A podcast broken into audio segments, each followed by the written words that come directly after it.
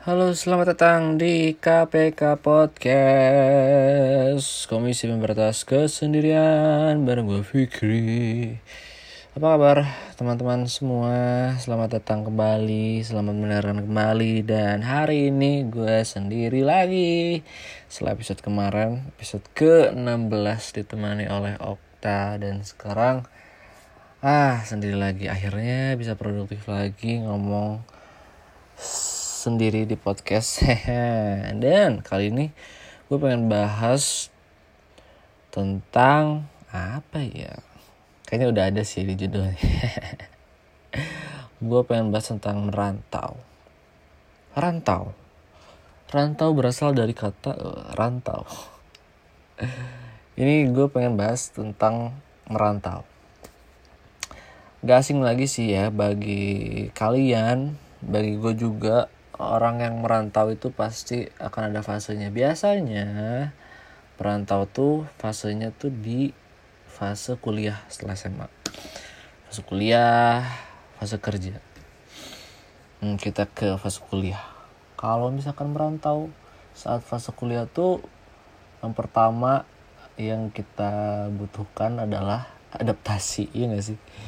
Apalagi kita misalkan gue orang daerah gitu merantau ke kota besar kuliah dan ngekos. Tentu saja banyak hmm, ini sih banyak um, situasi-situasi yang kita tidak terbiasa gitu. Makanya harus adaptasi. Karena pengalaman gua waktu kuliah ngekos itu di tahun pertama itu benar-benar gak betah sama sekali. Pengen pulang pengen pulang tiap minggu pulang bahkan kuliah tuh di skip. Saking pengen pulang ini gitu ya di tahun pertama. Karena mungkin karena gak, belum ada temen juga sih belum ada temen yang benar-benar hmm, sefrekuensi ataupun chemistry.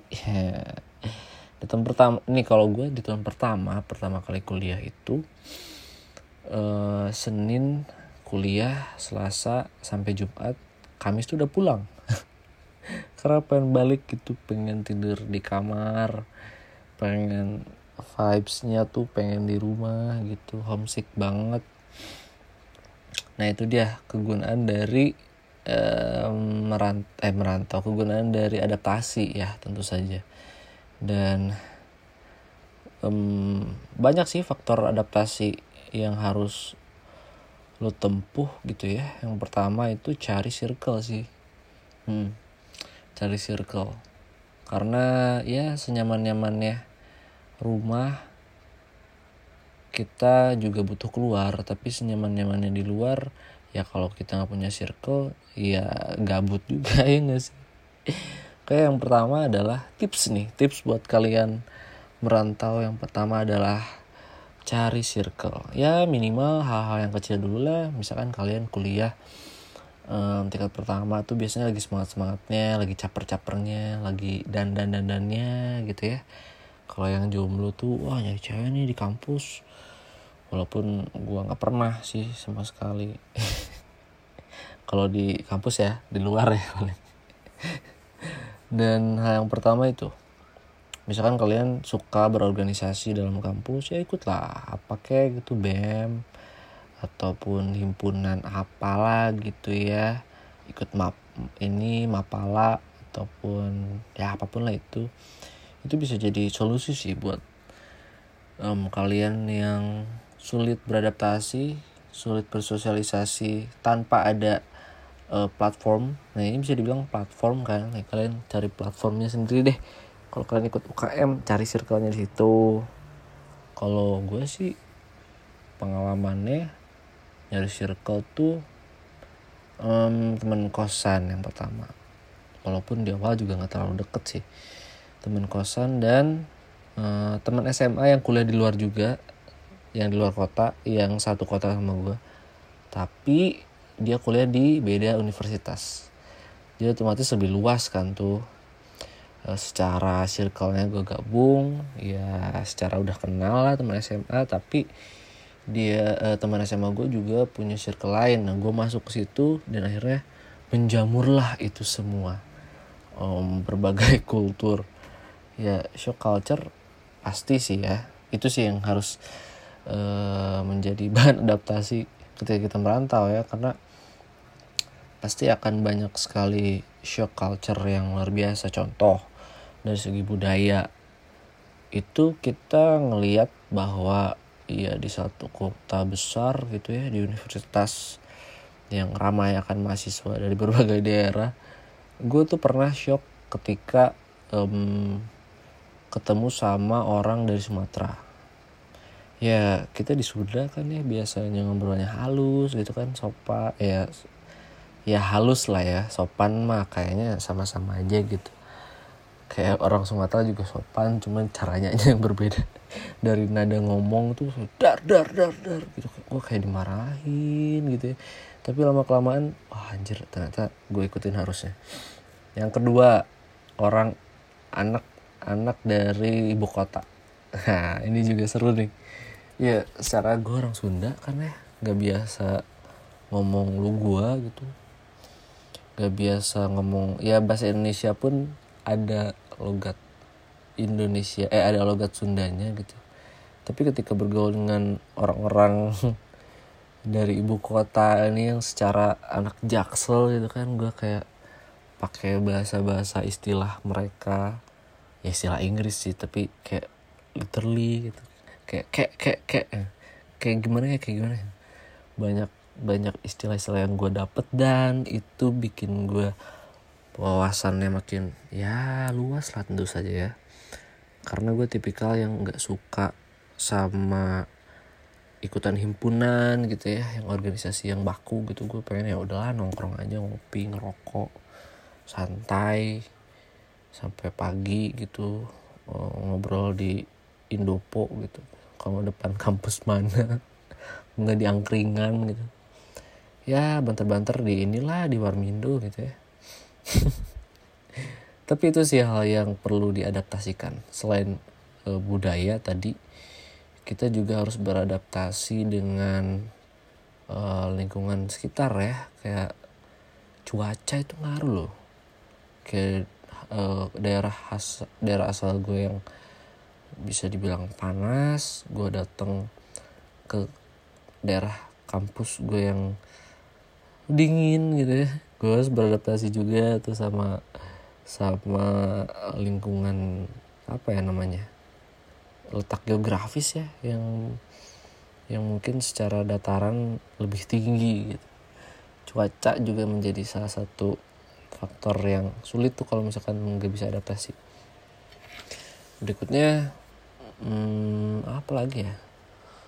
Lebih ke ini sih lebih ke kebiasaan orang-orang secara freedom gitu kan. Kalau yang namanya dunia kos dunia kos dunia kampus tuh benar-benar freedom gitu. Gue biasa ngeliat orang-orang mabok gak biasa. Cie gitu nggak biasa. Biasa sih cuman kayak yang tingkat lebih ekstrimnya gitu ya. Yang sampai orang gile gitu depan mata gue walaupun pernah lah gitu ya masa-masa SMA berada di situasi ini. Tapi ini kayak lebih Bronx gitu lebih lebih oh anjing lebih wah gitu lebih pangrok lah. Itu juga culture. Terus selain itu tempat nongkrong. Ini juga menjadi um, faktor yang wah jadi ini gue harus adaptasi. Contohnya deh SMA gue nongkrong paling di mana sih gitu ya. Ya kafe pun jarang lah gitu ya paling di rumah teman kalau nggak warung-warung gitu. Ya biasa secara anak gang kan ya. Main gitar depan gang gitu sambil kopi renceng. Kalau enggak ya ke warnet gitu kalau dulu. Kalau di rumah sih kebiasaan di rumah main PS ketika ngekos tuh um, ada masanya kita ngerjain tugas. Kita kerja kelompok ataupun apa kerja lapangan apalah itu ya kita ngerjainnya di coffee shop. Wah ini budaya budaya coffee shop yang menurut gue memang uh, ada baik ada buruknya sih. Kalau baiknya kita jadi lebih apa ya lebih lebih gaul kali ya. Lebih gaul ngobrolnya lebih deep. Kita tahu wawasan baru lah. Kan dulu nggak tahu ya.